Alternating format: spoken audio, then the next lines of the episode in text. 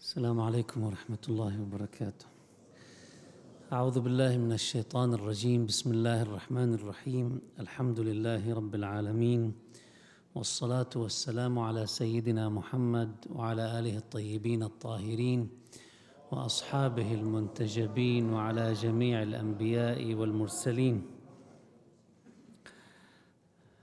يوم أمس أو في الليلة السابقة تحدثنا عن ضرورة أن نتغير بالحسين عليه السلام. وهذا فعلا ما يفرضه الانتماء. وعندما نحضر في هذه المجالس فلكي نأخذ هذا الزاد وهذا الزاد الذي ينبغي أن يبقى من عام إلى عام. لا أن ينتهي موسم عاشوراء ونكون كما كنا قبل يوم قبل موسم عاشوراء. هذا ما نقوله في كل مناسبة من المناسبات التي فعلا تمثل بالنسبة إلينا محطات للتذكر. نتذكر مسؤولياتنا نتذكر ما ينبغي علينا أن نفعله من أجل حياتنا ومن أجل آخرتنا. نحن المدى الحياة عندنا ليس فقط الحياة الدنيا. وإنما الحياة الدنيا التي تؤسس لحياة أخرى. حياة نلتقي فيها بكل من كنا نجتمع على اسمهم. هل نسعى لكي نلتقي يوم القيامة؟ أو نحن بنمرق بطريق والإمام الحسين بيكون بطريق آخر. بيقول أنا ما بعرفكم لأنكم ربما عشتم في الدنيا بالشكل نعم في المجالس. ذكرتم اسمي كلفظ ككلام لكن المضمون في الداخل هذا هو الأساس. هذا الذي يعرفنا بالإمام الحسين عليه السلام ويعرفنا برسول الله صلى الله عليه وآله وسلم ويعرفنا بكل أئمة أهل البيت عليهم السلام. كنا تحدثنا في الليلة السابقة عن مسألة إصلاح أمر العلاقة بيننا وبين الله عز وجل.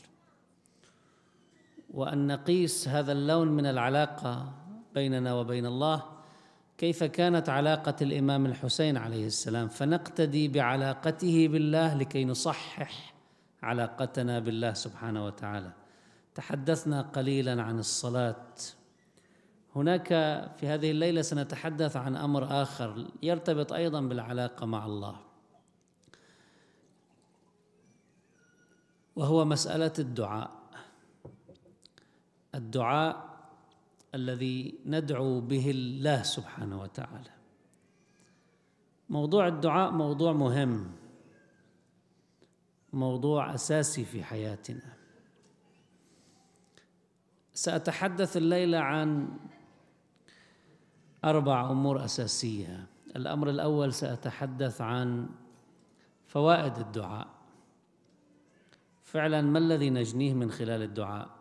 فقط إذا عندنا حاجة ندعو الله سبحانه وتعالى فنحقق حاجاتنا هذا هو الدعاء فقط. لذلك أم أن هناك فوائد أخرى وأمور لا تقل أهمية عن طلب الحوائج من الله سبحانه وتعالى.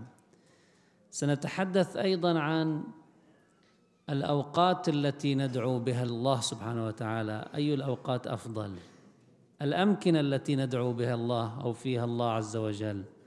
وسنتحدث أيضا عن كيفية الدعاء.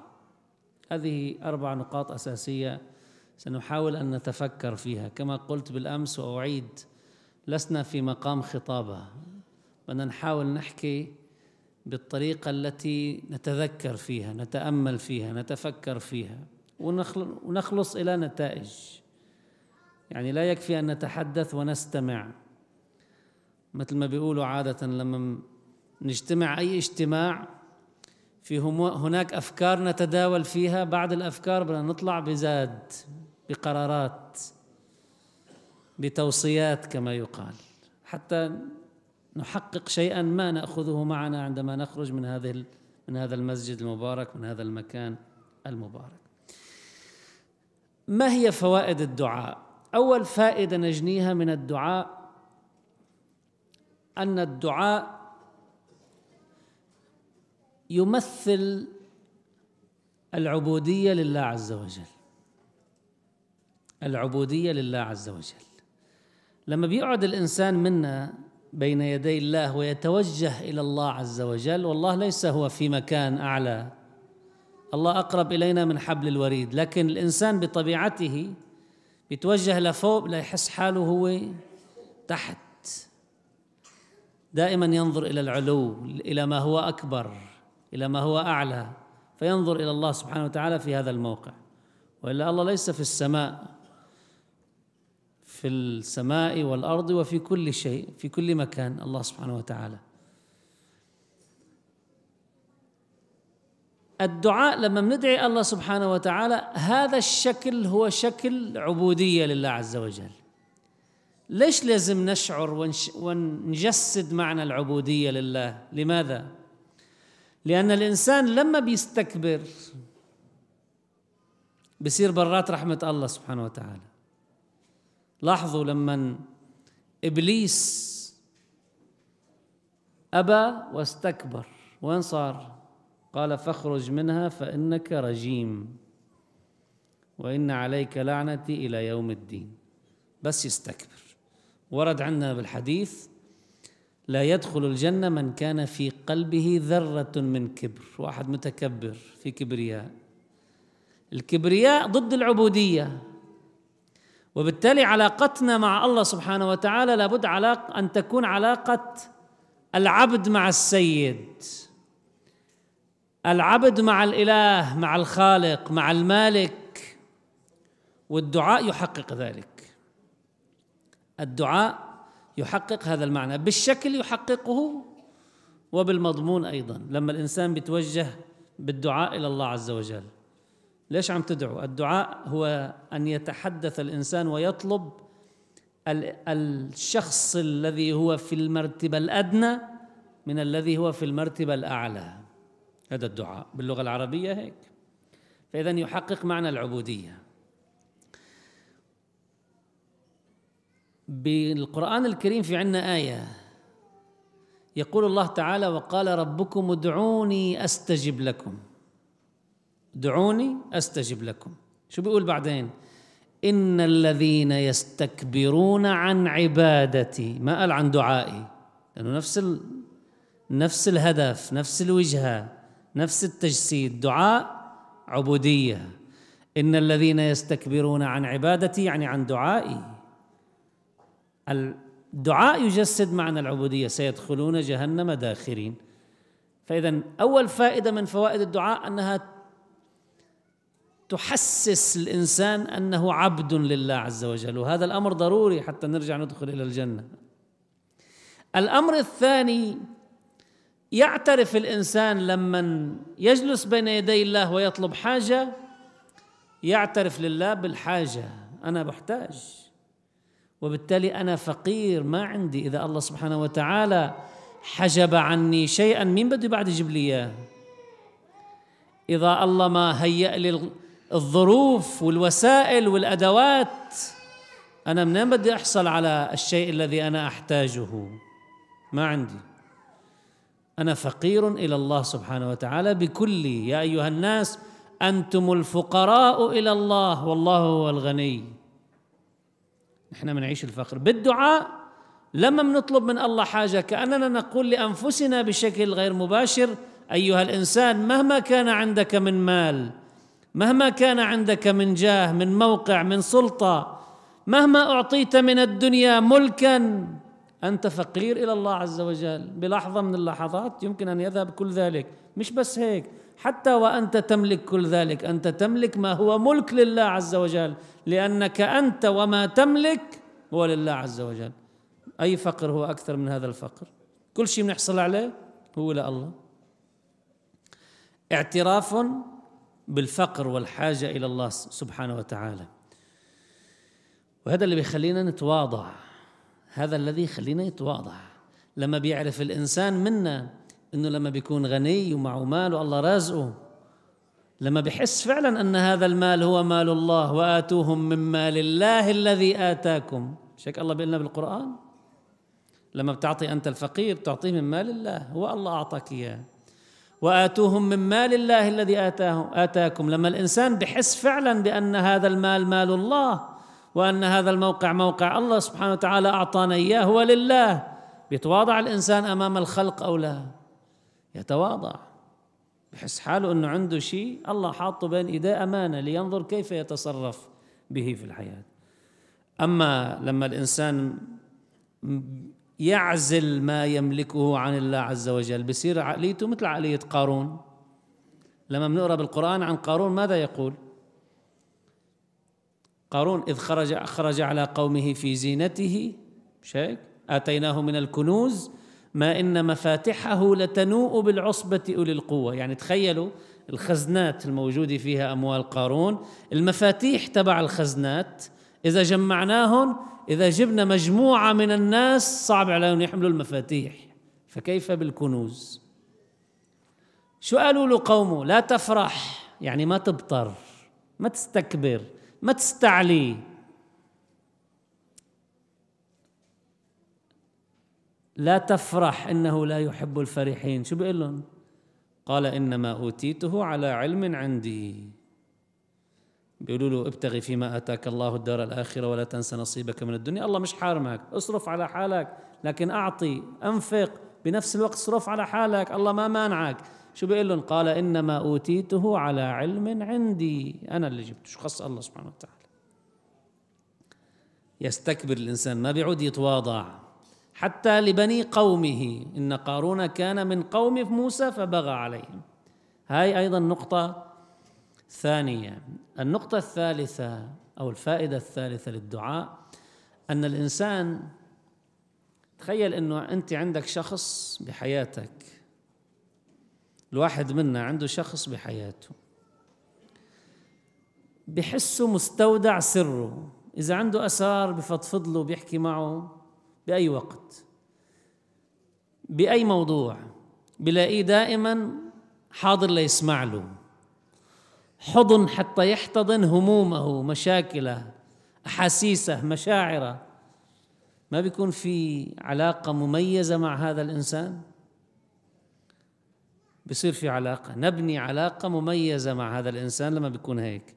كيف هي العلاقة مع الله؟ الدعاء يبني لنا صداقة مع الله سبحانه وتعالى. يبني لنا صداقة مع الله.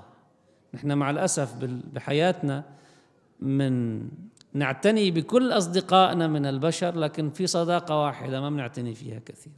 هي الصداقة مع الله. وهي اللي حصل عليها إبراهيم عليه السلام.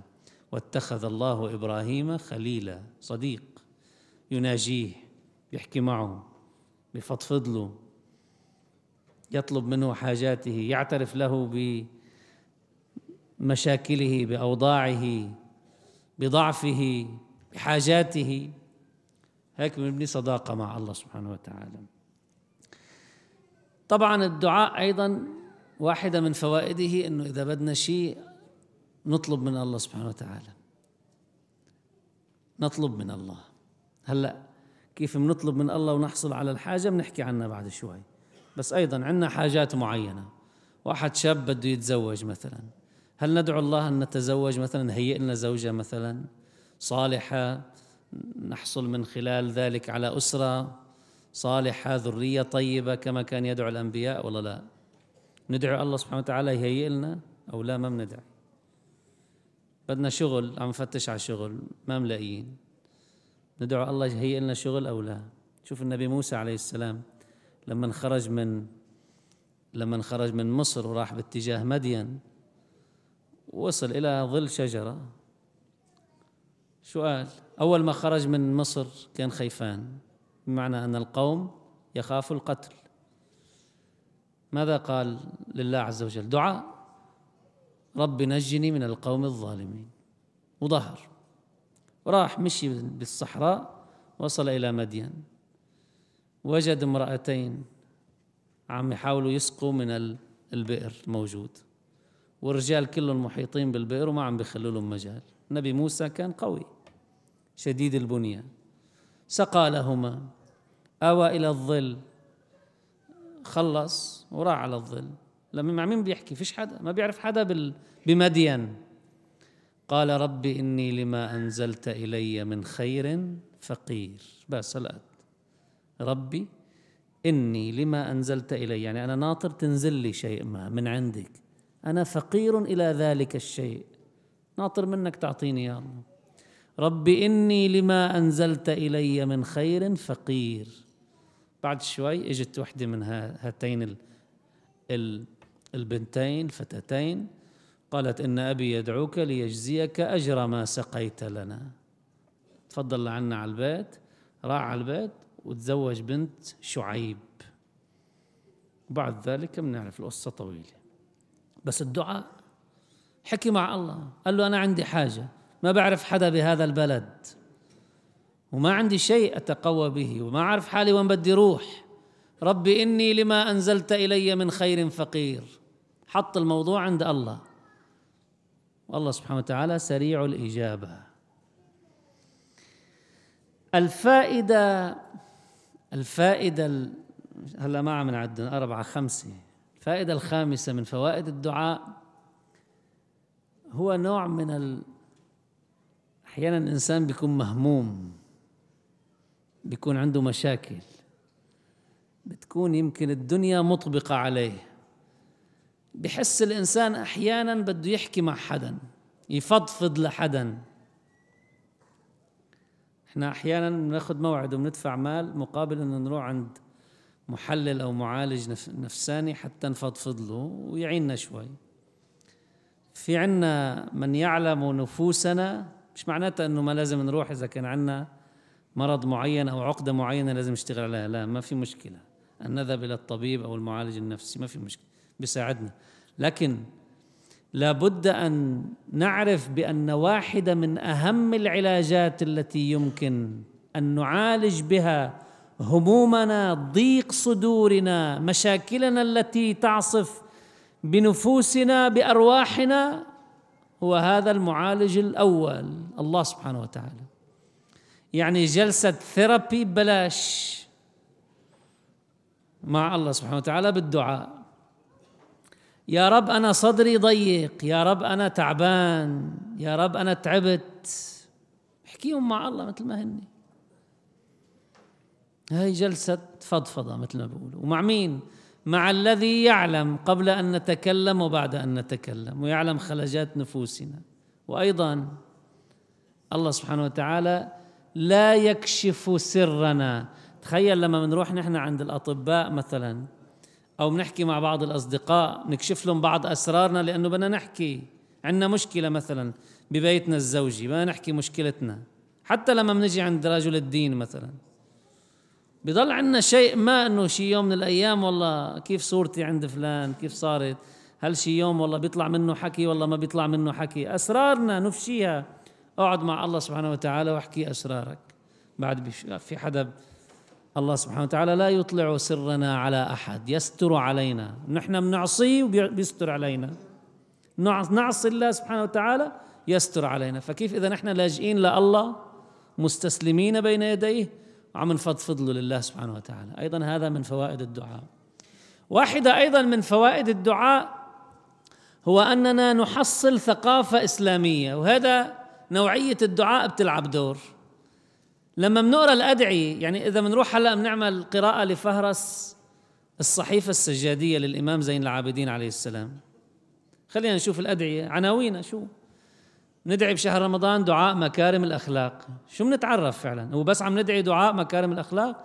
نعرف كيف نتعامل. سددني لأن أعارض من غشني بالنصح. واحد إذا غشني أنا ما بغشه أنا بنصحه بس يحتاجني. وأجزي من هجرني بالبر واحد تركني ما بزورني أنا بزوره. وأخالف من اغتابني إلى حسن الذكر وأن أشكر الحسنة وأغضي عن السيئة. وهكذا. بنروح جولة في عالم مكارم الأخلاق. بنتعرف بالدعاء. نتعرف بالدعاء على الأخلاق الإسلامية كيف تكون. أخلاق تجارة أعطيني بعطيك زورني بزورك. ديني بدينك لا مش هيك. أخلاق الإسلامية ليست كذلك. أخلاق الإسلامية لو حرمتني واحتجت لي فأنا أعطيك لأني اخلاقي مع الله. مش فعل وردة فعل مش تجارة مبادلة. إذا حرمتني قال هل أنبئكم بمكارم الأخلاق؟ رواية عن النبي صلى الله عليه وآله وسلم.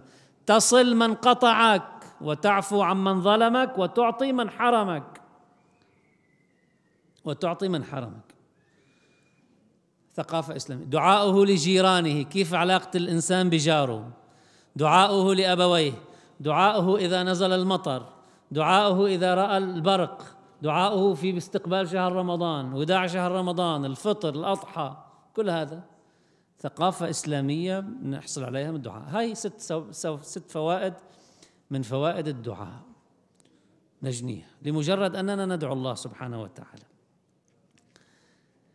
طيب السؤال كيف ندعو الله عز وجل؟ يعني هل فقط الدعاء يكون أنه نكمش كتاب الأدعية فقط؟ نحتاج إلى ذلك حتى نحصل ثقافة نحتاج إلى ذلك حتى ننمي حسن الايماني لازم ندعي بهاي الأدعية المأثورة خصوصا عن أئمة أهل البيت عليهم السلام. لكن فعليا الدعاء لا شكل له ما له شكل وما له بروتوكولات. الدعاء يكفي أن يخرج من القلب من عمق الإحساس حتى يصل إلى الله سبحانه وتعالى. كيف بتحب تدعي وكيف بتشوف بأنه الدعاء يخرج من أعماق قلبك بأي لغة بأي لهجة بأي طريقة وين ما كنت كيف كنت؟ لمجرد إنه عندي هدف واحد أن يخرج هذا الدعاء من القلب. فعلا الله لما بيشوفني عم بدعي أنا أدعو بحرقة بخشوع بإحساس. بالإنجليزي بندعي بالعربي بندعي بالفارسي بالتركي كل واحد بلسانه. نحرص كما قلت على الأدعية المأثورة فيها زاد ما بنحصل عليه كيف ما كان. لكن أيضا إذا واحد عنده حاجات يحكي مع الله كما يتحدث مع الصديق إلى صديقه نعاتب الله.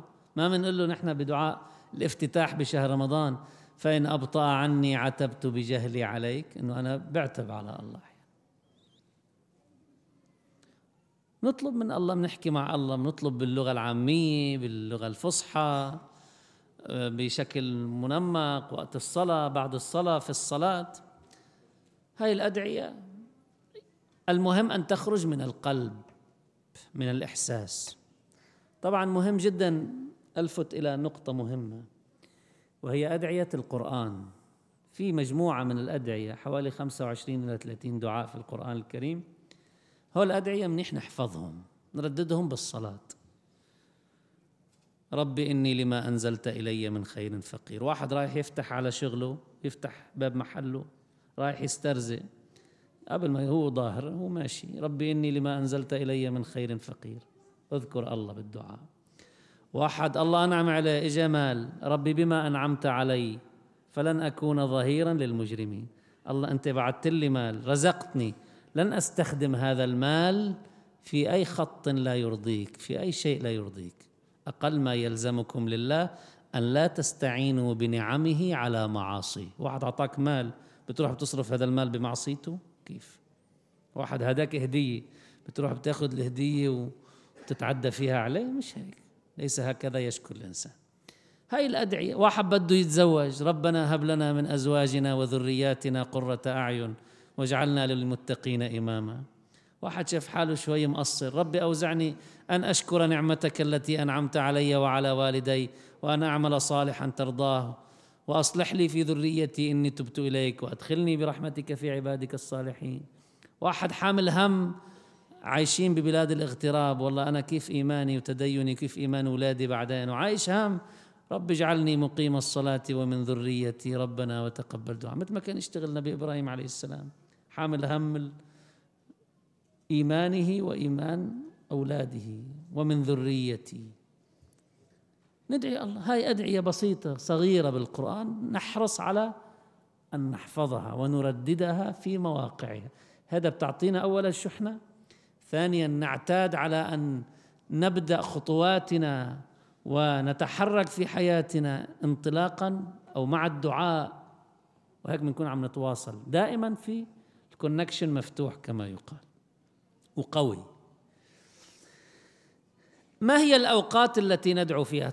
عندنا مجموعة من الأوقات مذكورة في الروايات استحباب أن يدعو الإنسان ليلة الجمعة يوم الجمعة في آخر النهار يدعو الإنسان في يوم عرفة يدعو الإنسان في شهر رمضان. عندنا أوقات عديدة.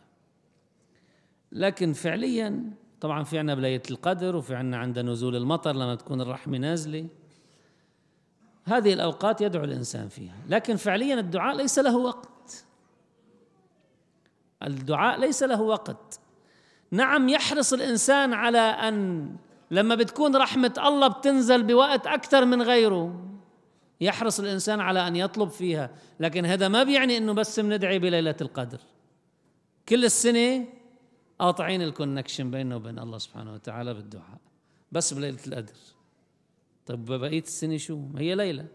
صح هي تحدد مصيرنا لسائر السنة. لباقي السنة لكن لازم نكون بباقي السنة أيضا بنفس ال program ماشيين مع الله سبحانه وتعالى. مش بنركب program بشهر رمضان وبعدين نطلع منه نروح على program ثاني program الله بشهر رمضان program الشيطان برات شهر رمضان. هذا واحد كان يشرب خمر فإجا شهر رمضان فبده يصوم جو كله فصام. خلص شهر رمضان نظم بيت شعر. قال رمضان ولى هاتها يا ساقي اللي بيسقي الخمر. مشتاقة تسعى إلى مشتاقي هي اشتقت لي وأنا اشتقت لها. هي عم يحكي عن الخمر. لا مش هيك. بروجرام الله بده يضل راكب على طول. الأمكنة في أمكنة مهمة للدعاء أيضا. هي الأمكنة التي يكثر فيها ذكر الله عز وجل. بهاي الأمكنة في عنا يوم في مكان في الحج في عرفات.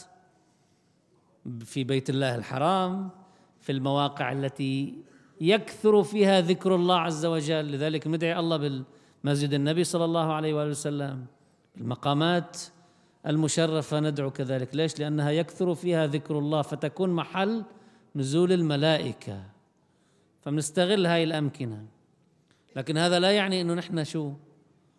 أنه بأي مكان ما فينا ندعو. لا يجب أن نبقى ندعو في كل الأمكنة. في بعض الأحيان بحاجة لشحنات إضافية. بنروح على هذه الأماكن. لكن نستطيع أن نتصل بالله عز وجل في أي مكان. في أي مكان. المسجد أيضا مكان مهم للدعاء. واحد عنده حاجة أبطأت عليه الحاجة يجي على المسجد يصلي له صلاة بالجمعة يدعي الله سبحانه وتعالى. لعل الله يسرع في هذه الاستجابة. النقطة الأخيرة في هذه الليلة اللي بحاجة نتفكر فيها. ما هي موانع استجابة الدعاء؟ نحن كثير من الأحيان ندعو وبنطلب من الله حاجات لكن ليس في كل الأحيان الله بيبعث لنا. يا ما طالبين من الله يا رب بدنا مليون دولار لحتى بس نرتاح مثلا. يا رب بدنا كذا واحد بده سيارة من الموديل الفلاني واحد بده عنا حاجات كثير كل واحد على قده بيدعو. يعني فتياننا صغار يا رب جيب لنا ظبط لنا PlayStation خلي البابا يشتري لنا إلى آخره. بدنا كثير من الحاجات. مش كل مش كل كلما ندعو نحصل على ما ندعو له أو ندعو به. ليش؟ لماذا ذلك؟ في موانع فعليا للدعاء. يعني الله سبحانه وتعالى فاتح الباب. الله فاتح الباب ليس لم يغلق بابه عن أحد من عباده. وأنك من له بالدعاء بشهر رمضان وأنك لا تحتجب عن خلقك إلا أن تحجبهم الأعمال دونك. أنا مسكر الباب. أنا قاطع الكونكشن بيني وبين الله سبحانه وتعالى. من جهة الله ما في شيء مسكر بالعكس الله في كل لحظة ينادي هلا من تائب فأتوب عليه. مستغفر فاغفر له. واحد يجي لعندي أنا بدي أتلقط بالعبد حتى يطيعني لادخله الجنة. مش مثل كثير من الناس ناطر العبد لا يعصي لحتى يقول له خلاص أنت مطرود من رحمة الله إلى يوم الدين. الله مش هيك بالعكس. خلاف كثير من رجال الدين حتى.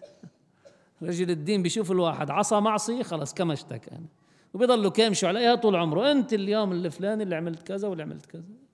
خي الله سبحانه وتعالى ناطر العبد قديش؟ قل يا عبادي الذين أسرفوا على أنفسهم.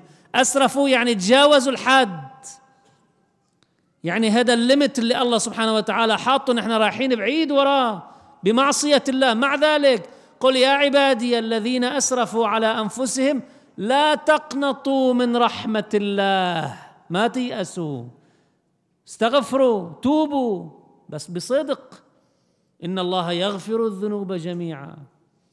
إنه هو الغفور الرحيم. الله بيغفر حتى لو كانت الذنوب كالجبال لكن بده يكون في صدق في التوبة.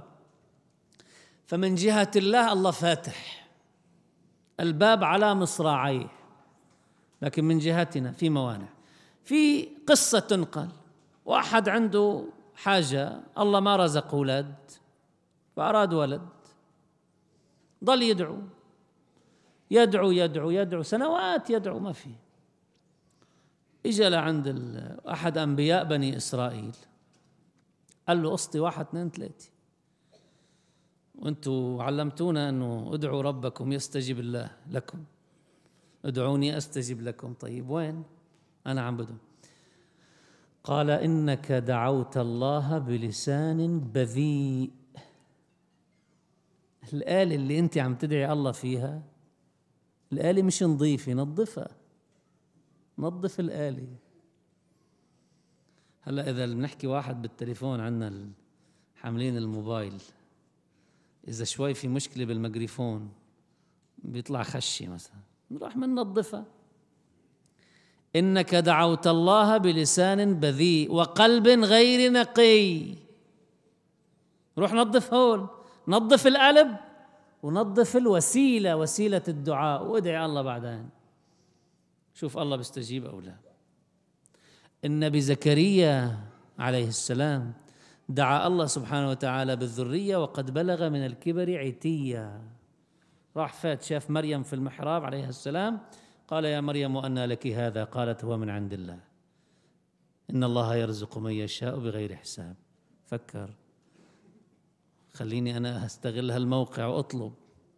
هنالك دعا زكريا ربه قال رب هب لي من لدنك ذرية طيبة إنك سميع الدعاء.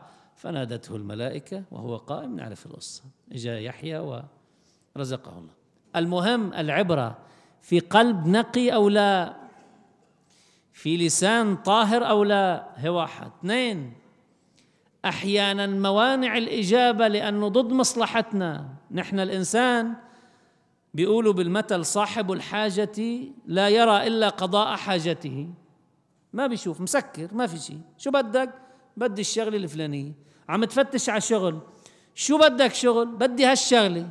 طيب في عدة فرص عمل موجودة. قريت الجريدة مثلا في إعلانات عن فرص عمل. واصل شيء مثلا ببعض المواقع الإنترنت. عم يعلنوا عن أعمال. لا لا لا بدي هاي الشغلة. مركز على شغلة معينة. طيب الله سبحانه وتعالى عارف إنه هاي الشغلة ما منيحة لك على المدى البعيد أو راح تضرك. فالله مهيئ لك شغل تاني. فلا يستجيب لك لأجل هذا لأجل مصلحتك.